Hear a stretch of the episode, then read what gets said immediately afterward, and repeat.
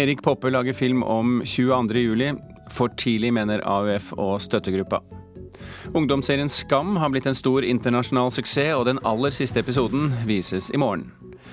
Og et eh, dommerpanel i USA mener at Brendan Dassey, kjent fra dokumentarserien 'Making a Murderer', bør settes fri fra fengsel.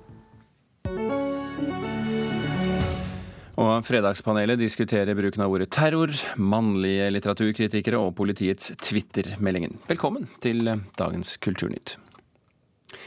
Filmregissør bak suksessen 'Kongens nei', Erik Poppe, han skal lage film om det ungdommene opplevde på Utøya 22.07. Men det er for tidlig for mange av dem som ble rammet, mener støttegruppa etter 22.07-hendelsene, og det har Erik Poppe stor forståelse for. Det er jo med ønske om å gjøre dette på så verdig måte som mulig, eh, og så respektfull måte som mulig, eh, at vi har brukt såpass lang tid på å finne hvordan å fortelle denne historien. Regissør Erik Poppe mener det er på tide å fortelle historier om 22.07 på det store lerretet. Men er tida moden? Jeg tror for veldig mange så er det eh, fortsatt for, for tidlig å gjenoppleve den verste dagen i sitt liv.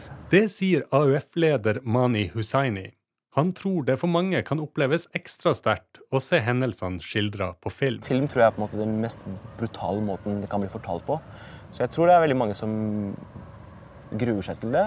Det er ikke bare Erik Poppe som vil fortelle historien om 22.07.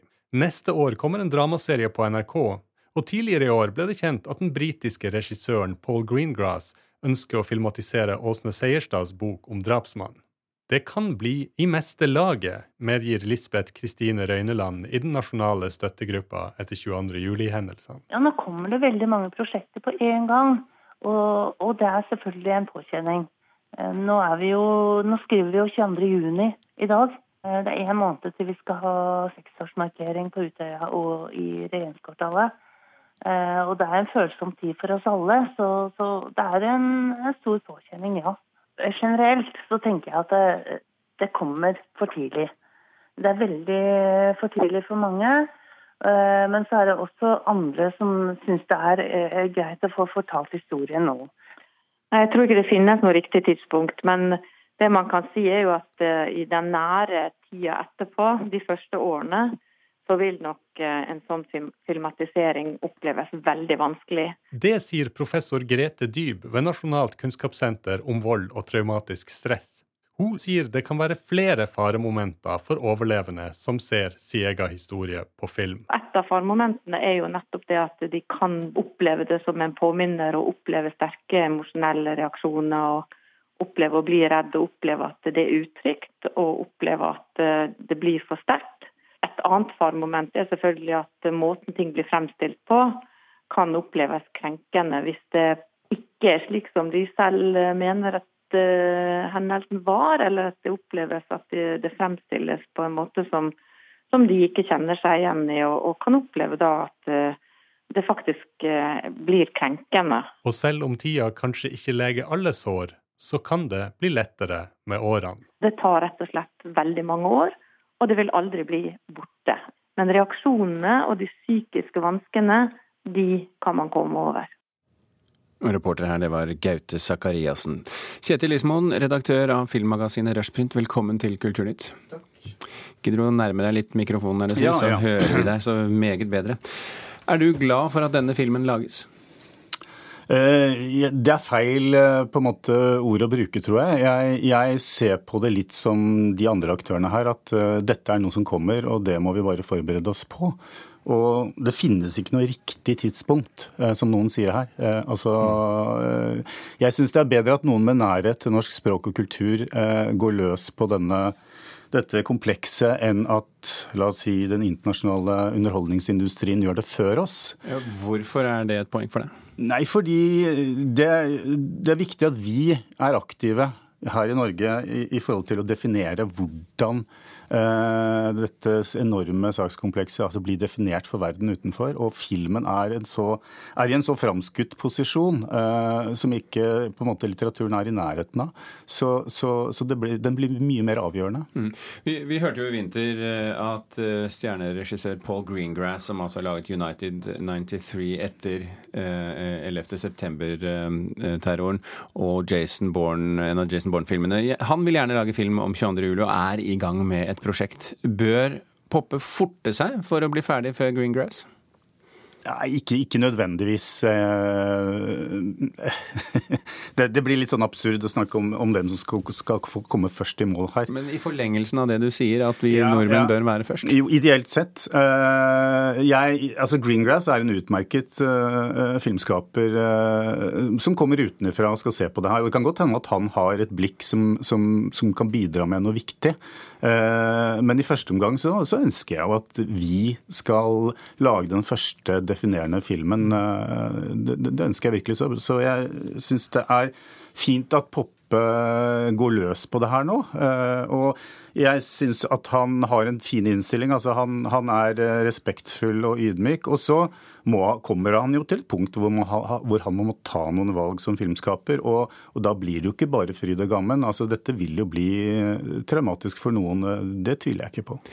En eh, av de tingene som har vært oppe, er jo Anders Behring Breivik. og For noen uker siden så fortalte vi NRK at vi skulle lage en TV-serie om 22. juli der han ikke skal være med. Mm. Eh, er det en eh, bra følgesnor for, for Poppe også?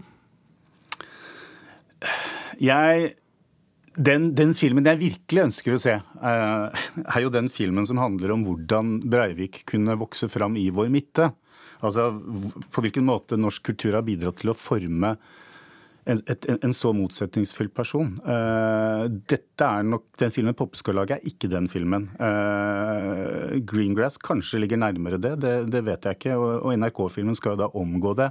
Og, og, og det syns jeg er litt synd, men jeg kan forstå hvorfor. Uh, for, for, for, det er i hvert fall ganske for tidlig, med andre ord? Jeg, jeg vet ikke om det er for tidlig. Altså, det finnes ikke noe datostempel her for når det er for tidlig eller for sent, tror jeg. Altså, dette må vi forholde oss til, og det kommer til å skje. Mm.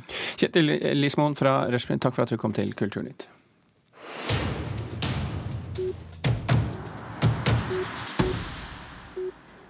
Et eh, dommerpanel i USA mener at Brendan Dassey, kjent fra dokumentarserien 'Making a Murderer', bør settes fri fra fengsel. Dommerne mener at den da 16 år gamle gutten ble presset og lurt til å tilstå. 'Making a Murderer' er en ti episoders amerikansk dokumentar som også mange norske seere fulgte med på strømmetjenesten Netflix. Den handler om Stephen Avery, som etter 18 år i fengsel ble frikjent for drapet han satt inne for. I 2007 ble han dømt igjen for et annet drap, denne gangen sammen med sin nevø Brendan Dassey. Brendan Dassey, kjent fra dokumentarserien 'Making a Murderer', ble feilaktig pågrepet, og hans tilståelse ble fremtvunget. Det slo et statlig dommerpanel i USA fast i natt. Sammen med onkelen Stephen Avery ble Dassey i 2007 dømt til livstid for drapet på en fotograf.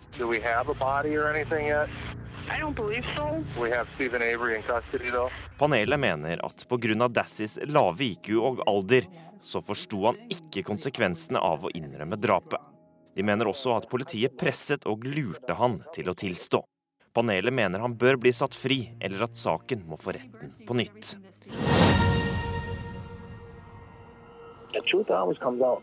Statsadvokaten i Wisconsin sier de antagelig vil få saken gjennomgått på nytt.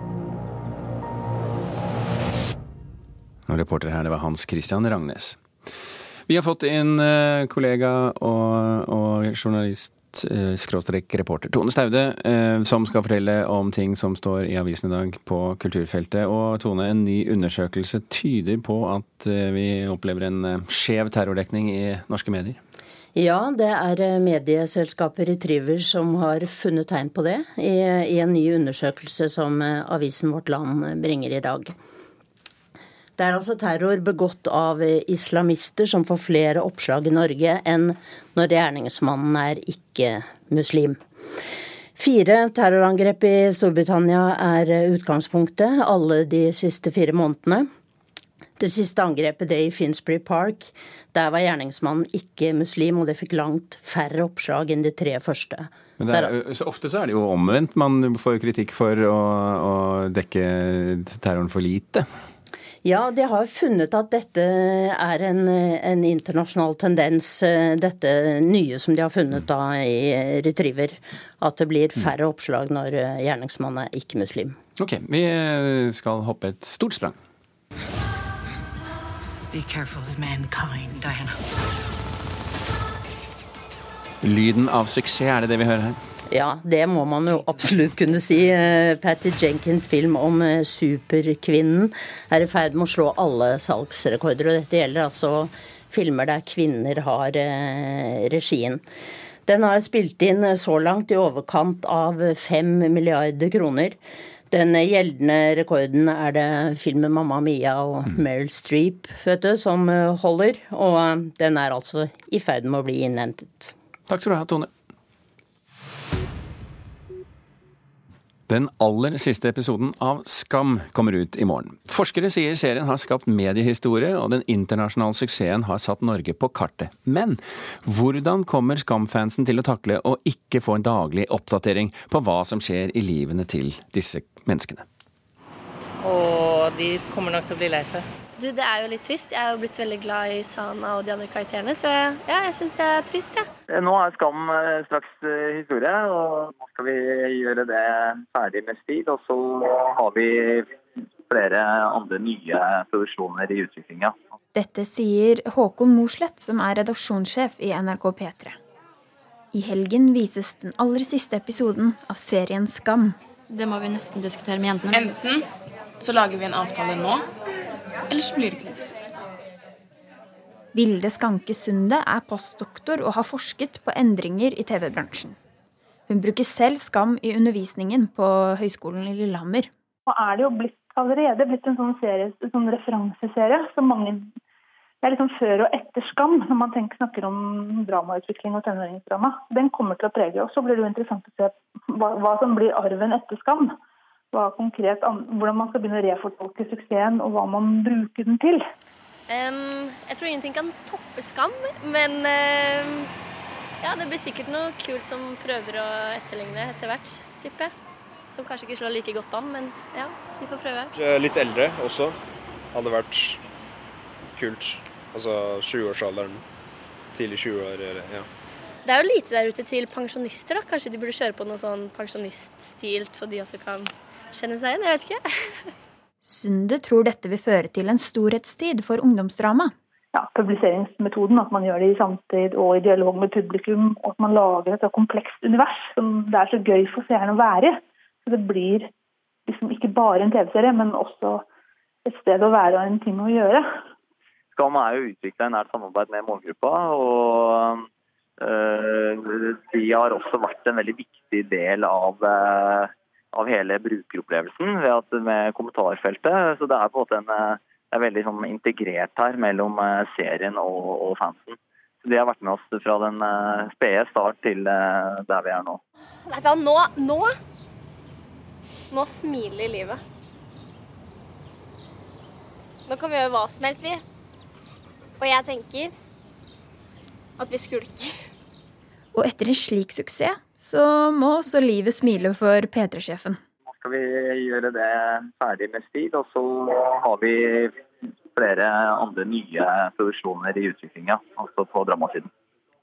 Er det noe dere kan avsløre nå, eller er det Nei, ikke, ikke, noe vi kan avsløre nå, men det kommer flere bra ting i, uh, i 2018. Reporter her, det var Amanda Strand Askeland. Klokken er kvart over åtte. Den er strengt tatt 17 minutter over åtte. Du hører på Kulturnytt, og dette er toppsakene i Nyhetsmorgen nå. 50 000 elever får spesialundervisning i Norge, men ny forskning tyder på at den ekstra hjelpen har liten effekt. En ny spareordning for pensjon kan gjøre det mindre attraktivt å spare i bolig, tror finansnæringen. Og Theresa May vil garantere for rettighetene til EU-borgere som kommer til Storbritannia, frem til brexit er iverksatt.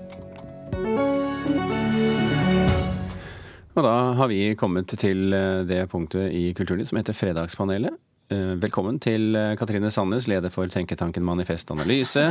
Agnete Haaland, teatersjef ved Nasjonale Scene, og Arne Berggren, forfatter. Forfatter og teatersjef er riktig, men jeg jobber i Gyldendal Forlag. Ja, du har flytta til Gyldendal Forlag. Gratulerer med ny jobb, Katrine. på en Berggren leder sin private tenketank ja. og skriver om det. Vi uh, gjør helt andre ting nå. Vi går til første spørsmål. Den økte bruken av ordet terror gjør at ordet mister sin slagkraft og meningen utvannes. Det sa språkprofessor Sylfest Lomheim denne uken. Samtidig får mediene kritikk for å være for varsom med bruken av ordet. Å vente til politiet først har sagt at det er terror. Så hvem skal vi eh, høre på? Dem som vil begrense ordbruken, eller dem som vil øke ordbruken? Vi kan begynne i Bergen. Begrense eller øke? Begrense. Bergen? Øke. Det er helt umulig å svare på. men det viktigste er jo å begrense terroren, da. Selvfølgelig, det vil jo løse saken. Men uh, hva, uh, hvorfor svarte du som du gjorde, Haaland? Nei, men det er klart, Terror er et, et, et, noe som utfordrer hele demokratiet vårt. Og Det er klart at det, det, er så sammensatt at vi må virkelig vite hva slags virkemidler vi bruker for å begrense det. Og Derfor svarte jeg som jeg svarte. Mm, Bergen? Jeg svarte bare for å si det motsatte, egentlig. Nei, nei, men det, det, er, det, er, jo helt umulig, som Katrine sier. Og, men, men, innholdet av ordet er vel i ferd med å endre mening. Altså Før var dette noe organisert, det var noe politisk. Nå er det mer sånne litt hvite gærninger i lastebil som også vil kjøre på noen. Men det, det blir rart å sitte at liksom, man skal sitte og avvente, ha nesten sånn komitéarbeid før man kan definere hva det er. Men Betyr For, det at du er enig i de som mener at det utvannes? Uh, ja, men jeg tror det Nei, jeg, jeg, mener at det skifter mening. Det endrer mening. Det blir noe det ikke har vært. Men, men jeg syns det, det, virker naturlig å kalle det terror. Begge disse aspektene av det. Gærningene, ensomme gærninger som er som bare handler sånn privat og spontant, det er vel også i ferd med å bli terror. Katrine, ja, Katrine, allerede før, altså på vei inn i studio så begynte du å snakke om hvor vanskelig dette spørsmålet var. Ehm, hva er det som er så vanskelig? Fordi skal vi snakke mer eller mindre om terror? Vi kan ikke snakke mindre om terror hvis det faktisk blir mer terror i, i verden. Uh, uh, men så har man jo også eksempler som f.eks. etter Finsbury Park, hvor man, hvor man ser at alt snakket om hvorvidt man snakker mer eller mindre om terror i gitte tilfeller, distraherer Eh, eh, og fjerner oppmerksomheten bort fra det som kanskje burde være de kjernespørsmålene om voldens årsak og, og virkning, eh, om trusler mot, mot, ulike miljøer og fra andre, miljø, fra andre miljøer. Så, at, så, sånn sett så, man, så det riktig, vil det være riktig å si at man bør snakke mindre om terror, i hvert fall snakke mindre om det som en akademisk øvelse, men, men at vi må snakke mer om det som si, årsak, virkning og tiltak. Mm? Ja, Det er jeg veldig enig i. Altså Det vi må snakke om er hvordan vi kan begrense det, hvilke tiltak som skal settes inn. Men det er jo noe med at hvis alt er terror, hvis det er terror, alt som skjer som ikke er i tråd med det vi mener er en god samfunnsoppførsel, så blir vi jo bare vettskremte. Da blir det et ord som heller ikke får noen mening. Terror er jo det som virkelig angriper demokratiets grunnholdninger. Det som virkelig er, gjør at vi kan føle oss som trygge mennesker når vi går på gaten. Betyr det noe, Bergen, eh, om ordet vannes ut eller ikke? Jeg må bare si Det er veldig gøy at du kaller meg Bergen. Altså, ja, ja, det betyr noe for språket. Eh, nei, jeg sa Berggren. Ja. Berggren? Jeg trodde du sa Bergen. Unnskyld. Ja, det er du som identifiserer deg med Bergen her, ikke jeg. Gidder bare kalle meg Oslo, så er det ok. okay Hva spurte du om? Eh, gjør det noe om eh, terror eh, om, om, bruken av ordet terror vannes ut eller ikke? Finner vi ikke bare nye begreper og nye måter å fortelle historien på? Jo, det er vel det. Det er som hver gang vi prøver å, prøver å holde igjen og begrense ting, så utvikler det seg, vannes ut og får nye meninger og sånn uansett. Men det som betyr mye mer, er vel egentlig hvordan pressen vinkler dette, hvor mye hvor, hvor heroiske fremstår disse i forhold til sine egne tilhengere osv. Den der dramaturgien, den der oppslagene av menneskene og bakgrunnen og familien og sånt, det, det er vel viktigere. Men det er vel ikke noe pressen kan gjøre noe med. Det vet du mer om enn meg, kanskje? Kanskje, men vi skal ikke gå dit nå. Vi skal hoppe til neste spørsmål. Eh, og det lyder som følger.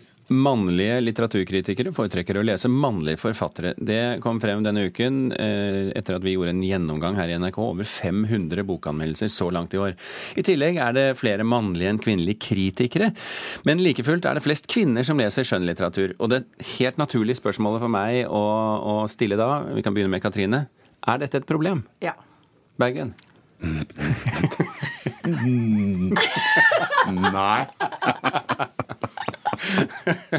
Haaland. Eller Bergen, som du nå også heter. Ja takk. Eh, nei. Nei. Eh, du hadde veldig lyst til å svare kontrært av Katrine der, Bergen. Vil du forklare hva du egentlig mener? Nei, det var ikke tvangsmessig dette her. Men, men, øh, men øh, jeg- hva jeg mener er jo irrelevant i og med at jeg er en hvit mann fra Oslo. Eh, Men, men øh, de tallene her gjorde Ser man nærmere på disse tallene, så var ikke de sjokkerende. Altså, det var liksom ikke det var ikke liksom stopp pressen-tall, dette her. Øh, jeg er ikke sånn ihuga tilhenger altså, det, det, det fine er jo at Grunnen til at det ikke er et problem, er jo at kjønn er jo en konstruksjon. Så uansett om det er menn eller kvinner som, som holder på, så, så er det, er det er Jeg bare tror, vi, jeg tror vi må over til din partner i studio her for å få noe klar eh, mening, eh, Bergen. Katrine? Det, altså det er jo, eh, det er, dette er jo et evig problem. Dette har det, sånn, har det, sånn som dette har det jo vært så lenge jeg har jobbet eh, i denne bransjen. Vi leter, eh, Jeg har vært kulturredaktør i mange år og har brukt mye tid på å lete etter kvinnelige kritikere og kvinnelige kilder. Det er veldig mye lettere å, å finne menn. Og det må, man, liksom, det må man jobbe med hele tiden. Det er den, det er den ene siden, for det, det handler om representasjon, og det handler om flere blikk på verden og flere tolkninger. Men, eh, men så er det den andre siden som jeg syns er litt interessant det, eh, å se på. Det er det at menn nesten bare er interessert i å lese menn. Det syns jeg, jeg er eh, en interessant problemstilling som, som vi snakket ganske mye om da jeg, da jeg jobba i avis. Men har du noe svar på hvorfor det er sånn? Ikke noe bedre svar det hun har, det merker jeg. Nei, nei, nei, men jeg, jeg syns det er interessant, og det handler jo litt om, om altså, Hvis man skal ha den lange historien, så handler det jo om, kult, om at, at man er trent I og med at litteraturhistorien er som den er, og kulturhistorien er som den er, så trenes man i å se, se kunsten med, gjennom menns blikk, gjennom mannlige forfattere og filosofer. Eh, Så for, for kvin- kvinner er, som Vigdis Hjorth sier, tospråklige. Mens eh, menn i mye større grad må man må faktisk jobbe aktivt for, eh, for å lese Doris Lessing. Altså Du kan gå gjennom et helt liv eh, og se på deg, anse deg selv som en intellektuell, velbelest mann uten å ha lest de store Virginia Woolf, eh, Doris Lessing, Elena Ferrante. Um, eh, eh, Haaland, um, er, eh, er, er du enig i dette som kommer herfra? Er det, er det liksom tradisjonen som tynger oss ned her? Ja, men jeg vil jo si at jeg er veldig heldig som er kvinne. Jeg er kvinne, og jeg er en lesende kvinne. Jeg vet enormt mye om mannfolk. Jeg har lest så mye spenstige bøker og sett så mye gode filmer om menn, om menns tankegang, om menns handlingsmønstre, om menns liv. Så jeg syns egentlig litt synd på alle disse mennene som ikke vet like mye om kvinner. Sier du her at du har et overtak? Ja, det, Selvsagt har kvinnen et overtak på innsikt i mannfolk, fordi vi ikke har lest så mye om dem, sett så mye om dem i filmer, i TV-serier. og Derfor er det så viktig at vi også får menn til å oppdage hvilken gave det er å lese om kvinner, fordi at da vil de også bli kjent med kvinner og mennesker på en helt annen måte. eh, Ja, jeg, jeg, jeg er helt enig med, helt, helt 100% enig med Agnete Haaland her at dette er jo et problem først og fremst for menn. Mm. Eh, Bergen, du har jo skrevet en følsom bok om hvordan det er å, å bli katolikk osv.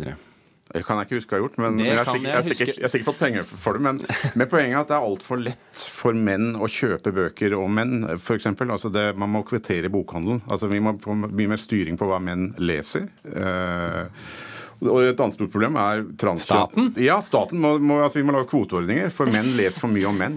Jeg mener også at vi må få flere transkjønnede kritikere. Uh, hvorfor skal ikke det være 33 uh, Og hvorfor skal ikke de skrive om 33 Nå ser jeg at Katrine Sandnes lurer litt på om du spøker eller ikke. Jeg håper han gjør det. Jeg, håper alle. Med denne brannfakkelen så hopper vi til siste spørsmål. Politiet har fått mye skryt for hvordan de bruker Twitter til å informere publikum om hendelser i nærmiljøet, men politiet blir også beskyldt for å gå over streken når de bruker humor og gjør seg morsomme på andres bekostning. Derfor vil Politidirektoratet lage landsomfattende retningslinjer for hvordan man skal opptre på sosiale medier hvis man er politi. Spørsmålet vårt er, og vi kan begynne med deg, Berggren, er det en god idé? Ja. Haaland? Ja. ja. Oi! Den overraska meg litt, må jeg si. Men Nei, ja, ja, altså. Ja, hvorfor er det ja? Nei, altså, det, det, det, er på en måte ikke politiets rolle å underholde på, på, på, i sosiale medier, som man har sett tendenser til. Noen ganger er det gøy, men det blir litt som disse utrolig morsomme bussjåførene som får sånn portrett på Norge Rundt av og til.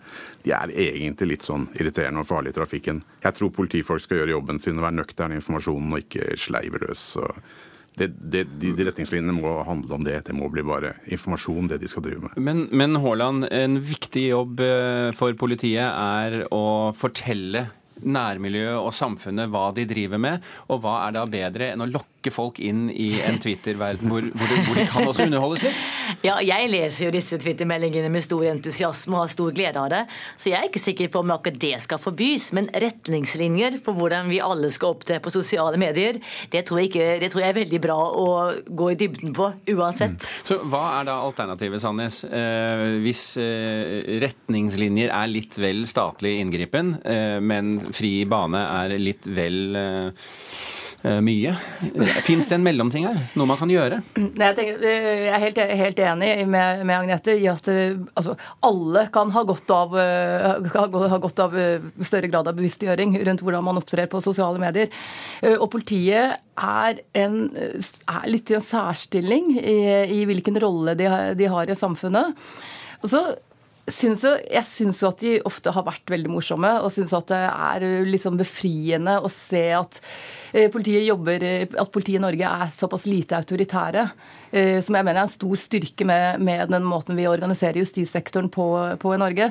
Men så, så tråkker de jo skikkelig skikkelig, skikkelig stygt uti det. Og det å, å ha noen eh, Og det å bli bevisstgjort og opplært i å få en forståelse for hvorfor de tråkker så, så grovt de gangene de gjør det, det tror jeg de kunne ha godt av. Og så kunne du kanskje ha tatt med seg en del politikere i samme slengen. Twitter-kurs uh, i regi av Arne Bergen, kunne det vært noe? Det tror jeg egentlig hadde bare hadde blitt mye verre. det virker som politiet har andre utfordringer enn på kommunikasjon og, og generelt ved jobben de skal gjøre, enn å, enn å, bruke tid på dette. Men jeg stiller gjerne for 50 000. Uh... Litt overraskende for meg at uh, Politidirektoratet får tommel opp fra et fullendt fredagspanel, det må jeg innrømme. Men ok, sånn er verden. Man skal la seg overraske av og til. Det som ikke er overraskende, det er at Fredagspanelet er slutt fordi Kulturnytt er slutt, og dermed må vi si takk for følget, alle sammen.